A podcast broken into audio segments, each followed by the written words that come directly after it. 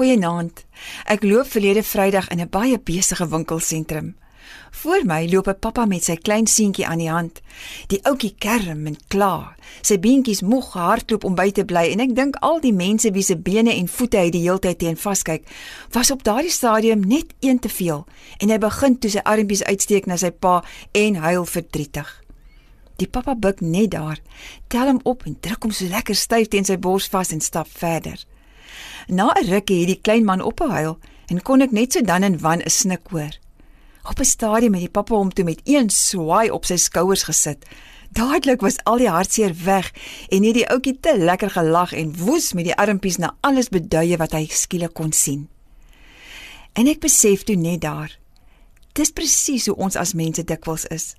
In die gejaagde lewens wat ons lei, sien ons op 'n stadium letterlik nie meer die lig nie.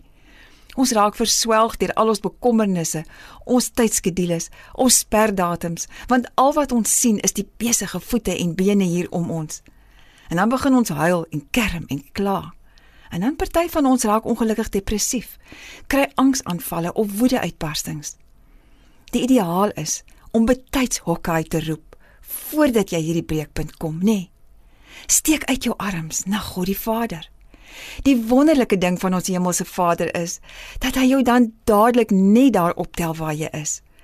As hy sien jy vertrou hom en jy bly so lekker naby hom, dan is dit mos asof hy jou as dit ware op sy skouers tel en dan kry jy 'n ander perspektief op jou lewe. Dan sien jy weer dinge raak wat jy voorheen gemis het. Jy ruik weer die reën. Jy sien die voeltjies sy nesie bou. Jy hoor hoe jou kinders lag. Jy proe weer jou vrou se lekker kos. Jy raak weer verlore in jou man se lagploetjies. Jy sien weer die pragtige kleure van die ondergaande son raak. Lees weer Matteus 11, daarvan in vers 25. Jesus praat hier. In vers 28 nooi hy ons uit. Voel jy moeg vir hierdie lewe? Knak julle knieë onder al die probleme en verantwoordelikhede wat jy moet dra? En dan sê hy verder in die vers: Kom dan na my toe. By my sal jy weer die sin van die lewe ontdek. Wat 'n wonderlike troos is dit nie? My Hemelvader, dankie dat U my vanaand kom optel. Help my tog.